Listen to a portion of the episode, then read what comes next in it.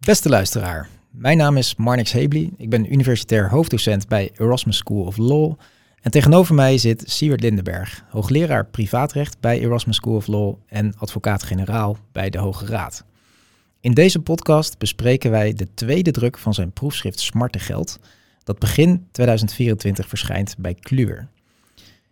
In 1998 promoveerde Siewert aan de Leidse Universiteit op zijn proefschrift Smarte Geld, dat sindsdien als een van de toonaangevende bronnen op dit onderwerp op iedere boekenbank over het aansprakelijkheidsrecht thuis hoort. De tweede druk is helemaal bij de tijd gebracht, bevat een geheel herschreven tekst en is notabene dunner dan de eerste. Siewert, kun je een aantal ontwikkelingen schetsen die laten zien hoe anders we er wat betreft het smarte geld voor staan dan 25 jaar geleden? Ja, dat, dat, dat kan ik zeker. Want ik denk dat als je 25 jaar teruggaat in de tijd, dan hadden we net eigenlijk het nieuw BW ingevoerd. Uh, ten tijde van de totstandkoming van het nieuw BW is er wel wat over gediscussieerd, maar eigenlijk niet eens zo gek veel. En sindsdien is er heel veel gebeurd. Er is veel gebeurd in de wetenschap. Er zijn maar liefst drie proefschriften verschenen over het onderwerp. Er is veel gebeurd in de rechtspraak. De Hoge Raad heeft een aantal uh, baanbrekende arresten gewezen. Onder meer over de thematiek van shockschade. Maar ook over de vraag wat nou eigenlijk andere aantastingen van de persoon zijn. Zoals bedoeld in de wet. En tenslotte is er ook uh, ontwikkeling geweest bij de wetgever. We hebben sinds 1 januari 2019 een recht op vergoeding van uh, affectieschade of eigenlijk smarte geld voor naasten en nabestaanden.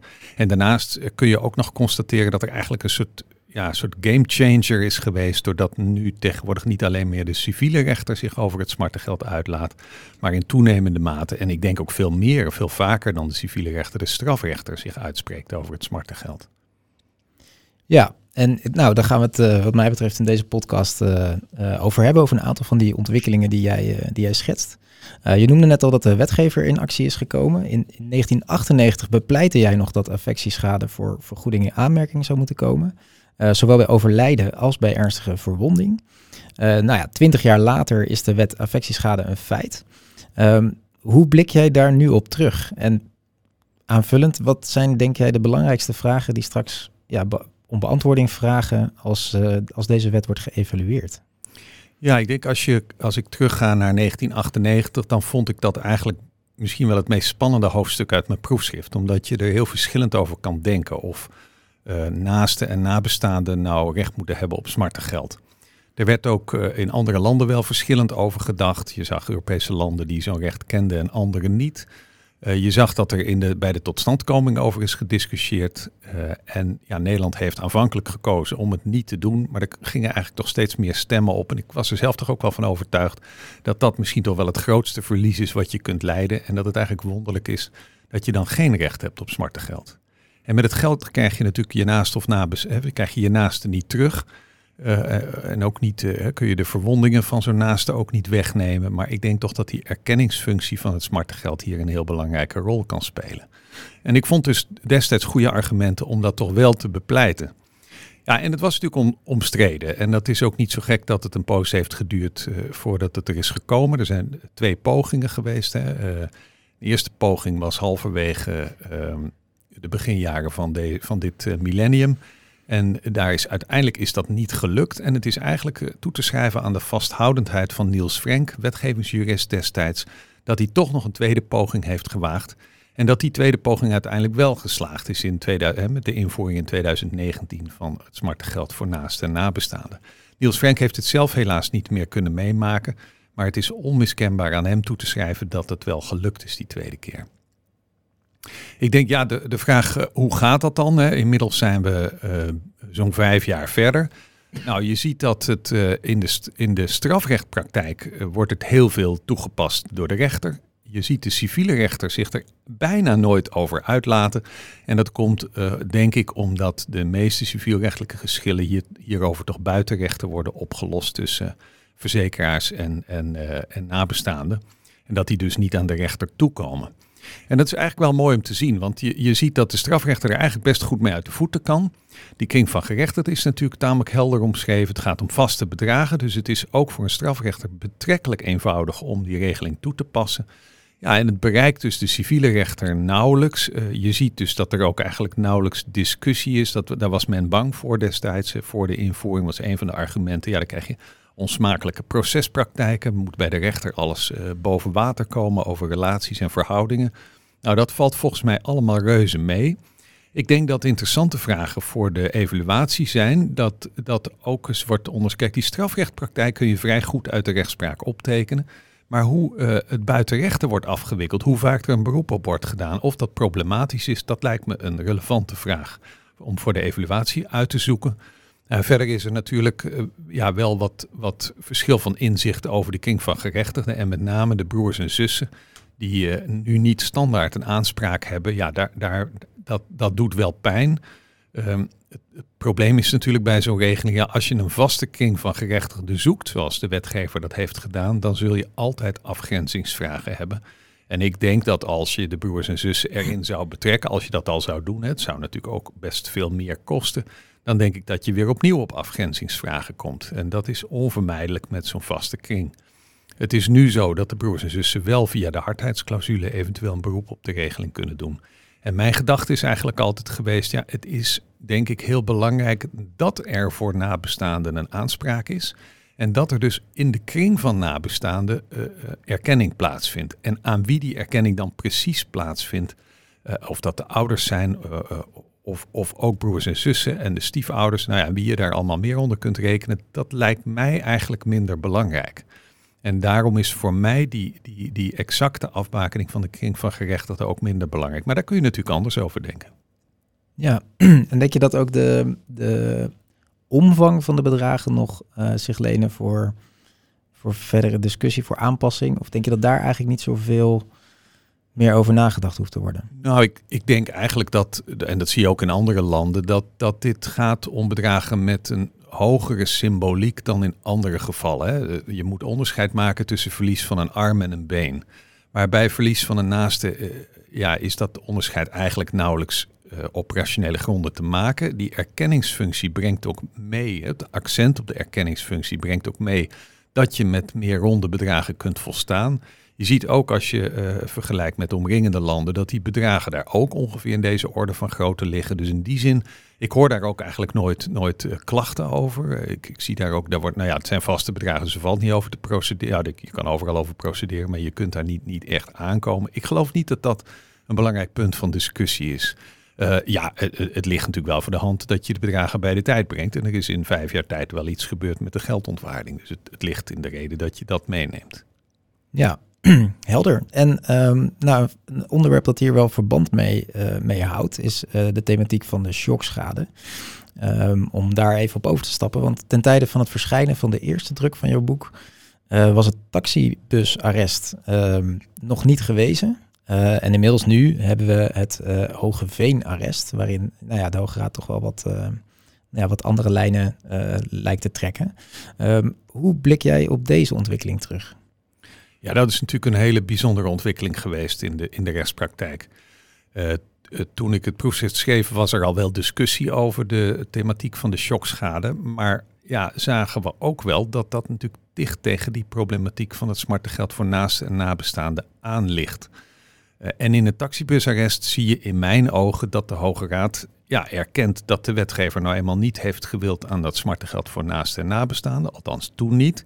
Dat de Hoge Raad vond dat hij daar niet uh, uh, aan kon komen, dat het aan de wetgever is, maar dat hij wel eigenlijk een, ja, in mijn ogen een soort muizengaatje heeft ge gemaakt met, ja, met, die, met, met zijn uitspraak over de shockschade. In die zin dat de Hoge Raad onder eigenlijk heel specifieke omstandigheden zo'n aanspraak heeft toegelaten. Je moet eigenlijk moest je aanwezig zijn geweest op de plaats van, van de gebeurtenis. Je moest een, een, een naaste zijn. Uh, ja, en, en in mijn ogen is dat eigenlijk toch een soort muizengaatje geweest om iets te doen, uh, omdat een aanspraak op vergoeding van affectieschade ontbreekt. Je ziet dat de Hoge Raad dat, dat muizengaatje heeft bewaakt hè, in de civiele rechtspraak. Dus later is het viltarrest geweest, waarin werd gezegd, ja, als het nou gaat om een heel ernstige normschending, dan zou je dat, die kring van gerechtigden of de, de, de toegang tot die vergoeding van shockschade wat kunnen verruimen. Dat confrontatie-eis zou je dan wat kunnen, uh, uh, nou ja, wat kunnen masseren, zou je kunnen zeggen.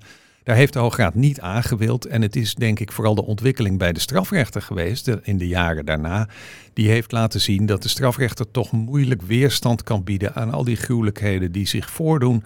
En ook uh, destijds, ook daar gold natuurlijk dat, dat er uh, geen recht op vergoeding van, van uh, affectieschade was. En om dan toch iets te doen, heeft de strafrechter die, die, die shockschade ruimte eigenlijk wat opgerekt.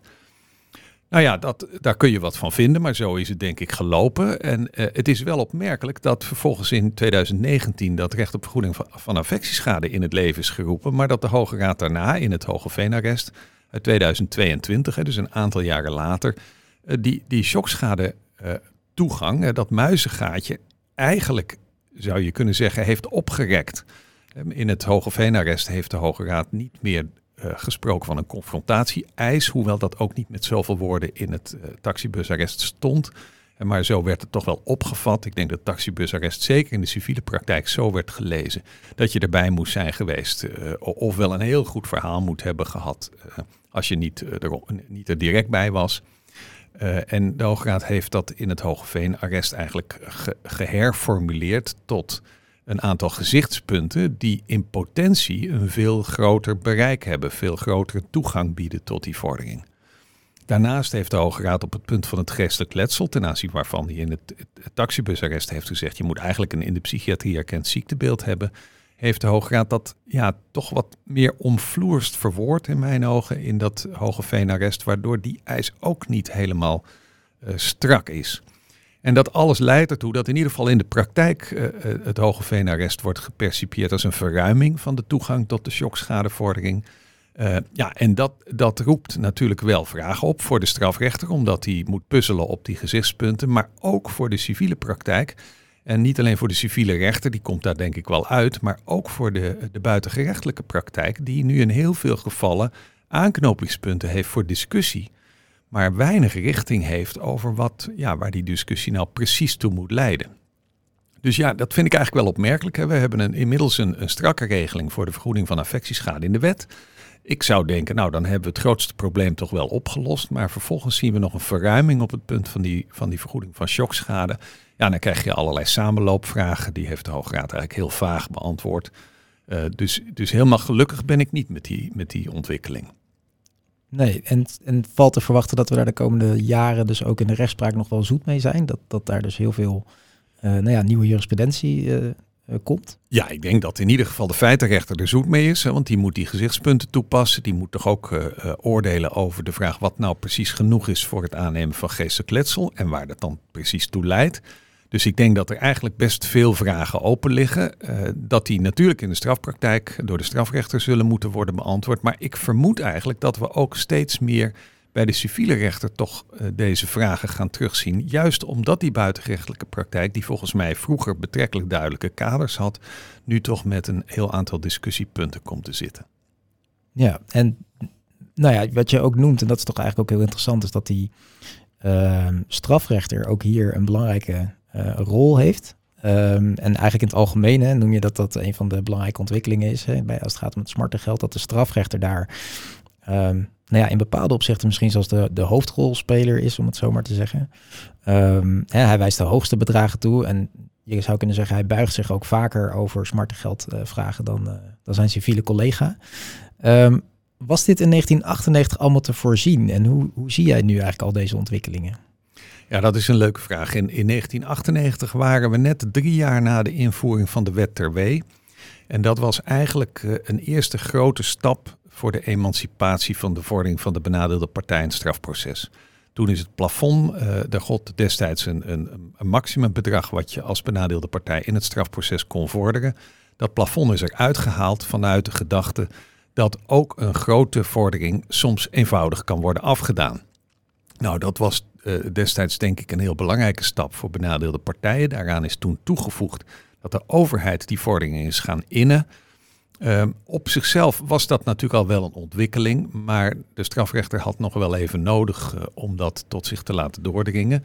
Partijen denk ik ook, maar daarna zijn natuurlijk wel bijzondere dingen gebeurd. En ik denk met name in 2011, toen het uh, ontvankelijkheidscriterium bij de strafrechter voor de vorderingen van de benadeelde partij is gewijzigd en bedoeld is verruimd, Uh, en daarnaast een, een regeling is ingevoerd waarbij, ja, dat heet de voorschotregeling, maar waarbij in feite de staat garandeert dat als de dader niet betaalt na acht maanden, dat de staat die vordering overneemt, in ieder geval in, in letselschadegevallen. Uh, althans, dat de, staat die vordering betaalt, hè, uitbetaalt en, en de inning natuurlijk onder zich houdt of tot zich neemt. Ja, dat is denk ik een enorme aanjager geweest voor de, uh, het beroep op die, die benaderde partijroute. En daar, uh, nou ja, met natuurlijk de verdere uh, emancipatie van het slachtoffer in het strafproces, heeft dat een enorme, enorm effect gehad op de praktijk. Je ziet tegenwoordig jaarlijks heel, heel veel vorderingen, veel meer dan bij de civiele rechter als het gaat om personenschade. Eh, als het gaat om uh, civielrechtelijke geschillen, dan worden die zaken toch echt over het algemeen in veruit het grootste aantal gevallen buitenrechten uh, opgelost. Er wordt wel gezegd boven de 95 of boven de 98 procent.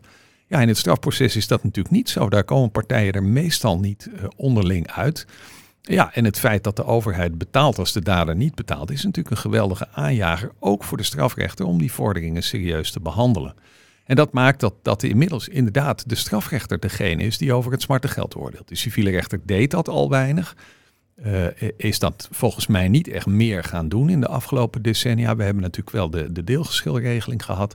Maar je ziet eigenlijk nauwelijks deelgeschillen over smarte geld specifiek. Volgens mij komen partijen daar toch meestal wel uit. Ja, en de strafrechter moet in al die gevallen wel oordelen. En er zijn natuurlijk type gevallen die meer typisch zijn voor de strafrechter. Denk aan de, aan de aantasting van de persoon op andere wijze door de aard en ernst van de normschending. Je zou kunnen zeggen, nou ja, in, het, in, de, in de strafrecht doen zich ernstige normschendingen voor. Dus inderdaad, die gevallen van verkrachting en bedreiging, die lenen zich daar ook bij uitstek voor. Dat is ook typisch werk van de strafrechter. Maar het is ook de strafrechter die, die zich over die shockschadeproblematiek is gaan uitlaten. Het is notabene de strafkamer van de Hoge Raad geweest die het Hoge Veenarrest heeft gewezen. Dus het is echt de strafrechter die hier uh, ja, uh, aan zet, of ja, die aan zet is, nou ja, maar die ook daadwerkelijk uh, stappen neemt. En dat geldt niet alleen ten aanzien van die shockschade en ten aanzien van die aantasting in de persoon op andere wijze. Maar zo, zoals je al zei, ook ten aanzien van de omvang van het smarte geld. Het is daar de strafrechter die ja, met een toch heel voorzichtige civiele rechter op de achtergrond de grote stappen neemt. Ja, en je zou natuurlijk kunnen zeggen, die strafrechter die, um, die moet daar eigenlijk wat betreft die vordering van de benaderde partij, moet hij het materiële civiele recht toepassen. Um, tegelijkertijd zou je kunnen zeggen, daar is hij misschien ook niet helemaal toe geëquipeerd, omdat hij als strafrechter ook binnen, binnen zijn beperkte grenzen moet opereren, hè, de ontvankelijkheidsgrenzen in het, uh, in het strafproces.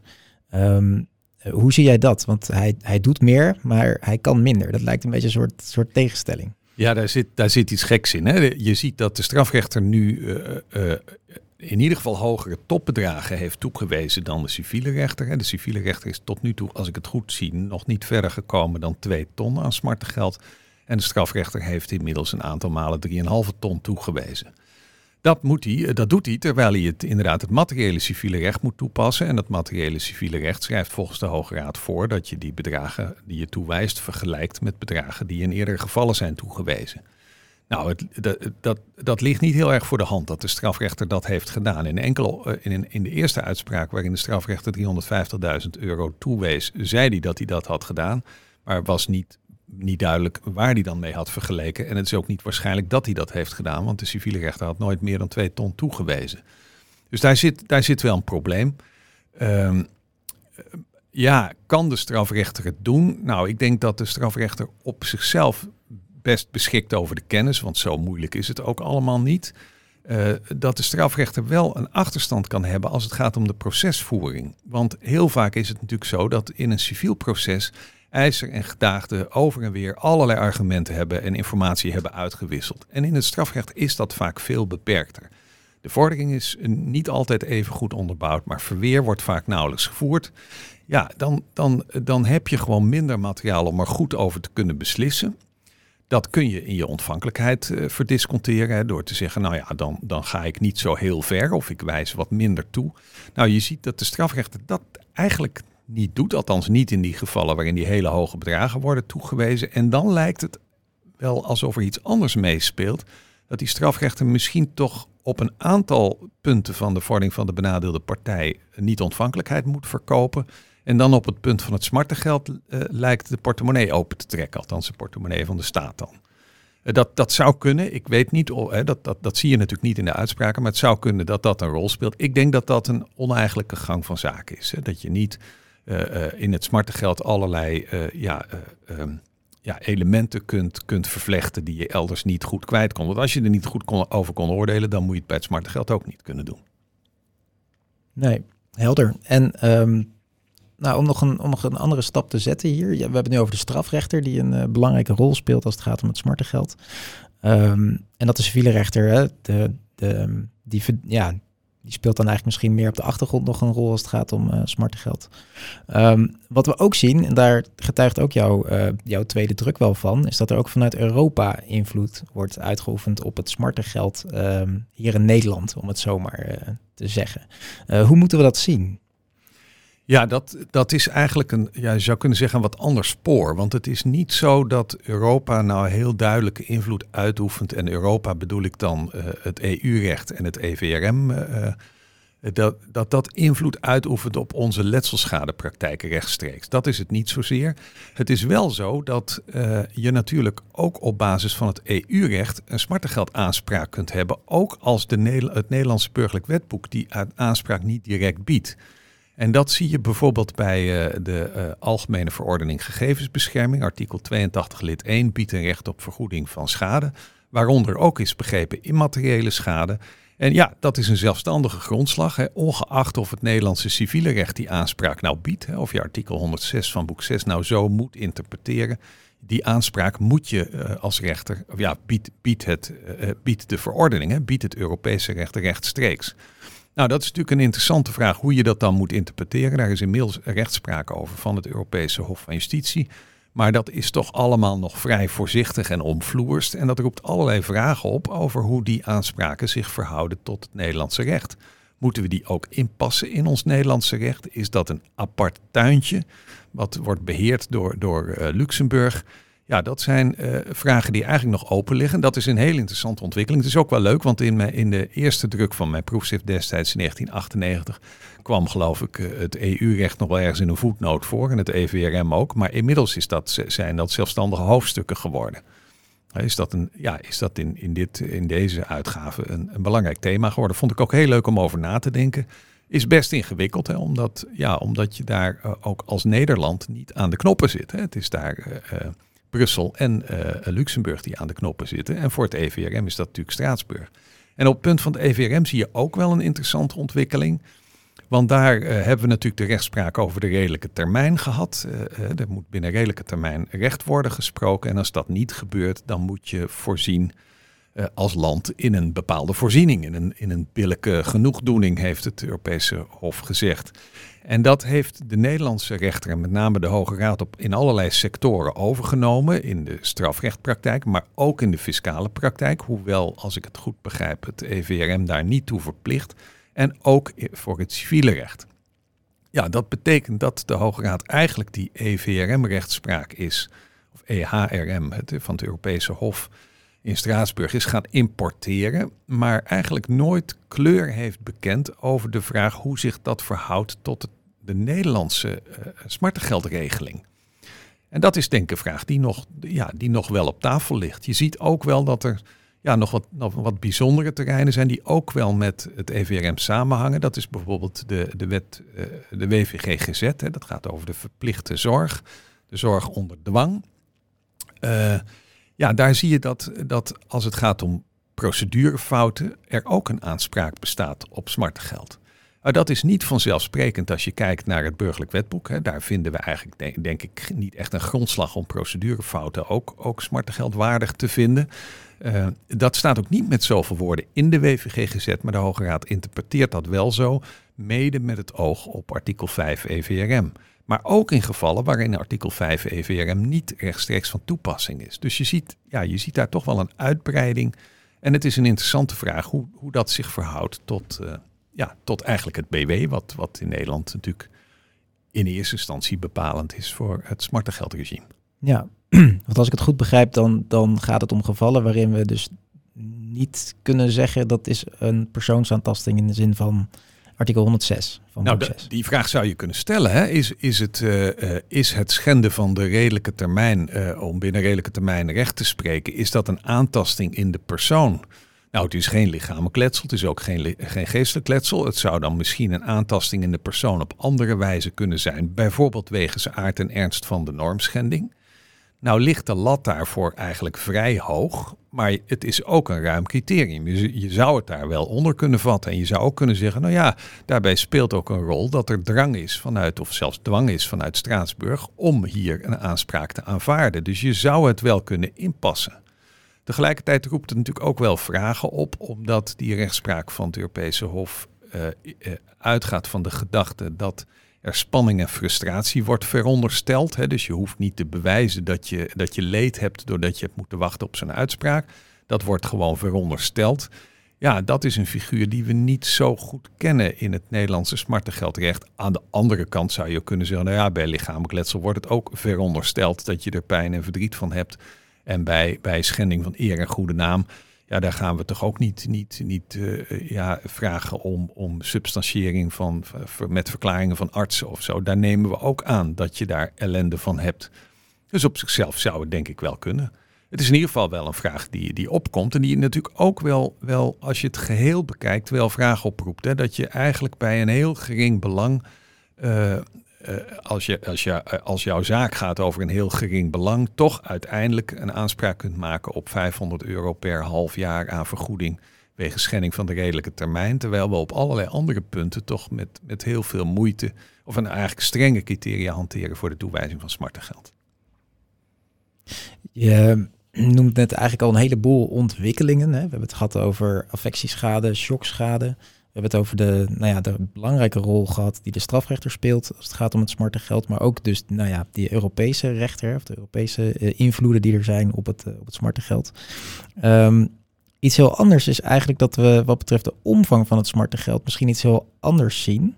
Uh, wat je ook in je boek aansnijdt, dat is dat daar eigenlijk misschien juist eerder sprake is van stilstand. Dat daar misschien juist vrij weinig is gebeurd in de afgelopen 25 jaar. Terwijl je misschien ook wel anders zou, um, zou verwachten en men misschien ook wel anders wil. Um, jij neemt daarin ook, uh, jij neemt ook wel stelling in, als ik het, uh, als het goed samenvat. Jij zegt uh, eigenlijk dat het smarte geldniveau best wat omhoog zou mogen. Of dat het in elk geval een zekere stilstand heeft uh, vertoond. Um, dat het amper de geldontwaarding zou bijhouden. Als je dus terugrekent naar uh, destijds. Hè, wat bijvoorbeeld in de jaren 90, uh, 2000 is toegewezen. Dat we eigenlijk sindsdien niet echt uh, zijn bijgebleven, om het zo maar te zeggen. Dat bedragen niet zijn, zijn gegroeid. Maar ook um, ja, zeg jij dat de begroting als zodanig op een meer inzichtelijke en consistente wijze uh, zou mogen geschieden. En er wordt ook gewezen hè, naar bijvoorbeeld zo'n model als in uh, Engeland wordt gebruikt, hè, die guidelines. Um, uh, ja, die eigenlijk op een ja, overzichtelijke manier die letselcategorieën op een rij zetten en met nou ja, bandbreedtes werken daar. Um, kun je dit toelichten? Wat, wat, wat, wat speelt hier en wat, wat, wat, wat moeten we daarvan vinden? Ja, dat is, dat is een leuke vraag. Want ja, de, de wet zegt je stelt het, recht, de, het geld naar billijkheid vast. Dan hou je rekening met alle omstandigheden van het geval en dan ja, plak je er een bedrag op. Dat is eigenlijk het meest ruime criterium waarbij de rechter de grootst mogelijke vrijheid heeft. En dat is natuurlijk op zichzelf mooi. Maar je ziet ook, uh, nou ja, ik heb wat ontwikkelingen geschetst hè, die, die maken dat dat toch wel problematisch aan het worden is. Aan de ene kant uh, zie je dat de civiele rechter bescheiden is bij de toewijzingen. Dat in ieder geval als je kijkt naar de topbedragen, dan kunnen we denk ik vaststellen dat die de geldontwaarding niet hebben bijgehouden de afgelopen 30 jaar. Maar ook als je kijkt naar eh, de minder ernstige letsels, dan is dat denk ik het geval. Dan zie je ondertussen dat die strafrechter wel forse bedragen toewijst, maar eigenlijk niet goed motiveert wat de verhouding van die bedragen is tot die van de civiele rechter. Je zou natuurlijk kunnen zeggen, nou, de strafrechter vindt dat het smarte geld omhoog moet ten opzichte van de civiele rechter. Nou, dat lees ik eigenlijk helemaal niet in die motiveringen. Dus het is eigenlijk wat onduidelijk wie, ja, wie nou welke stappen neemt. En dat is ook niet zo gek, omdat het niet zo makkelijk is om te vergelijken. Natuurlijk kun je wel vergelijken tussen bedragen van 2 ton en 3,5 ton. Hè, dat is een substantieel verschil. Maar als het gaat om de kleinere bedragen, is het helemaal niet zo makkelijk om vast te stellen wat nou het Nederlandse niveau van smarte geld is. En hoe je daar precies uh, een keuze in kunt maken. En dat is wel van belang, omdat uh, het, nou zoals ik al zei, lang niet meer alleen de civiele rechter is die erover oordeelt, maar de strafrechter er heel vaak over moet oordelen. De strafrechter ook niet meer inzicht heeft dan de civiele rechter. Daarnaast wordt er buiten rechten natuurlijk heel vaak smartengeld vastgesteld. Ook die praktijk heeft denk ik behoefte aan meer inzicht. En dat kun je ja, eh, organisch laten vormen, zoals we dat de afgelopen decennia hebben gedaan. Je ziet dat in de smarte geldgids in Nederland, waarin al die uitspraakjes worden samengevat en, en weergegeven. Maar eigenlijk toch volgens mij betrekkelijk uh, ja, gebrekkig worden geordend. Die ordening is lang niet altijd logisch. De informatie die dan wordt verstrekt uit zo'n uitspraak leert wat mij betreft ook vaak niet waarom er nou een bepaald bedrag aan gekoppeld is. Dus als je dan zelf een geval hebt en je gaat bladeren in die smartengeldgids, dan vind je eigenlijk niet zoveel richting, is mijn indruk. En die richting is steeds meer nodig. Eh, zoals ik al zei, voor de buitengerechtelijke praktijk, voor de civiele rechter, maar zeker ook voor de strafrechter. En als je dan ook nog ziet dat die bedragen eigenlijk achterblijven, dan lijkt het ook alsof de rechter wat voorzichtig is om, om hierin stappen te nemen. Nou, ik denk dat, dat we dan heel veel kunnen leren van de Engelse praktijk, waar dit verschijnsel zich eigenlijk uh, langere tijd geleden al heeft voorgedaan. En men in 1992 met de rechterlijke werkgroep tot de zogenaamde Guidelines for the Assessment of General Damages in Personal Injury Cases is gekomen. En dat heet de Guidelines, maar het, het is eigenlijk niet meer dan een, uh, een schaal van, die weergeeft welke verschillende letsels je allemaal hebt hoe die zich in relatieve ernst tot elkaar verhouden, welke bedragen rechters daarbij plegen toe te wijzen. Dus is gebaseerd op de, op de Engelse rechtspraak. En welke bandbreedtes je daarbij ziet en wat argumenten zijn om die bandbreedte te vullen. Dus bijvoorbeeld om hoger of lager in die bandbreedte te gaan zitten. Nou, ik denk dat, dat we in Nederland geholpen zou zijn, zouden zijn met, dat heb ik destijds, dat viel me op, het is wel grappig, ik las mijn eigen proefschrift van 25 jaar geleden nog eens terug. Toen heb ik dat kennelijk ook al, uh, al bepleit. Uh, er was destijds minder noodzaak toe, denk ik, dan nu. Nu is die noodzaak er, denk ik wel. We hebben dat inzicht gewoon nodig. En dat is aanleiding geweest voor, ja, voor ons uh, om in Rotterdam te kijken of we zo'n schaal kunnen ontwerpen. Of we ja, in zekere zin een vertaling van de Engelse schaal kunnen maken. Of we moeten eigenlijk zeggen een toepassing van de Engelse schaal voor de Nederlandse praktijk kunnen ontwerpen. Vertalen is het niet helemaal, want die Engelse schaal heeft eigenlijk vooral het oog op lichamelijk letsel. Terwijl we in Nederland ook heel andere smarte geldcategorieën hebben. Ja, en vertalen van bedragen, dat lukt al helemaal niet, hè, want het Engelse smartengeldniveau is anders dan het Nederlandse. Maar we kunnen wel uh, à la Engels model een Nederlandse schaal ontwerpen. En dat is wat we aan het doen zijn. En ja, het is, het is voor ons heel leuk om te zien ja, hoe dat uitpakt en welke ordeningen je daarin kunt aanbrengen. En ik denk dat dat, dat inzicht alleen al, hè, dat is nog niet, zeggen we niet eens dat het zo moet, hè, dat, dat je dit moet volgen uh, of dat, dat dit nu, nu eh, de wet is. Dus, nou, dat is natuurlijk al helemaal niet. Maar ik denk dat het vooral inzicht kan bieden in hoe je uh, die bedragen toch gestructureerder kunt vormgeven, kunt inrichten en ook gestructureerder met ontwikkelingen rekening kunt houden. Want dat doen de Engelse guidelines ook. Die, die nemen de geldontwaarding mee. Die kijken naar de relatieve waardering van letsels en de veranderingen die daarin plaatsvinden. Want ja, om een voorbeeld te noemen, als je kijkt naar de HIV-besmetting, is uitspraak van de Hoge Raad uit 1992. De hoogste toewijzing destijds van smartgeld was 300.000 gulden. Dat werd gezien als een van de meest ernstige letsels.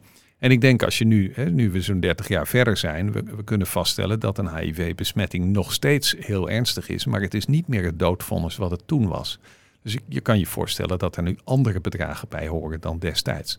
En zo zijn er natuurlijk ontwikkelingen en die kun je in zo'n schaal uh, veel beter en meer gestructureerd meenemen dan dat nu in de Nederlandse praktijk gebeurt. Ja, dus eigenlijk als ik het goed begrijp, hè, en dat onderzoek dat, zei, dat is nog gaande hè, in Rotterdam op dit moment. En daar, daar nou ja, zijn we de komende, het komende jaar in elk geval nog wel, uh, nog wel druk mee. Um, dan is er misschien toch nog wel hoop, omdat we net vaststellen dat wat betreft de omvang van het smarte geld misschien de afgelopen 25 jaar weinig is gebeurd. Maar dat dat juist een onderwerp is dat nu de komende tijd nou ja, toch aandacht gaat vragen. En waar misschien toch ook nog wel wat verandering uh, komt. Misschien de komende jaren. Ja, denk het wel. Ik denk dat, dat uh, als je tot zo'n schaal komt, je ook veel beter kunt zien waar, ja, waar, waar, waar op het ogenblik de mankementen liggen. Ook waar, waar de rechter achterblijft uh, als het gaat om de geldontwaarding. En dat is iets, hè, de Hoge Raad heeft destijds al gezegd, je moet rekening houden met de geldontwaarding. Maar hoe je dat precies moet doen is eigenlijk niet zo duidelijk. En dat kun je echt gestructureerder doen. En dan, dan hoeft de rechter ook niet meer te aarzelen daarover. Er zijn destijds al een aantal jaar geleden wel rechters geweest die hebben gezegd, ja, we erkennen dat dat niveau is achtergebleven. We gaan het nu met 10% vermeerderen. Maar dan is de vraag 10% van wat? Hè? Hoe, hoe vermeerder je dat dan? Nou, als je zo'n schaal hebt, kun je dat veel, op een veel gestructureerdere wijze tot uitdrukking brengen. En dan nogmaals, zo'n schaal is niet iets wat bindt. Het is geen, geen wettelijk voorschrift. Iedere rechter is geheel vrij om te doen wat hij wil. Maar ik stel me zo voor dat de keuze voor een smartengeldbedrag toch eigenlijk een soort ezeltje prik is. Uh, maar als je uh, die schaal hebt, dan heb je in ieder geval je blinddoek afgedaan. En dat lijkt me nuttig. Hè? Dan weet je, als je een keuze maakt, uh, ongeveer wat je doet. Je kunt vergelijken met die schaal. Je kunt ervan afwijken als je dat wil, maar dan weet je ook waar je van afwijkt. Dan kun je dat misschien ook uitleggen. Helder, dank. Um, we gaan het hierbij laten. Uh, ik hoop dat onze luisteraar een goede indruk heeft gekregen van wat er leeft op het gebied van het smarte geld. Um, er is over het onderwerp natuurlijk nog veel meer te zeggen en dat gebeurt natuurlijk ook in de tweede druk van, jou, uh, van jouw boek. Um, ik kan ook iedereen aanbevelen, ga dat vooral lezen. voor nu, uh, dank voor het luisteren van deze podcast en deel deze ook vooral met iedereen die in dit onderwerp geïnteresseerd is.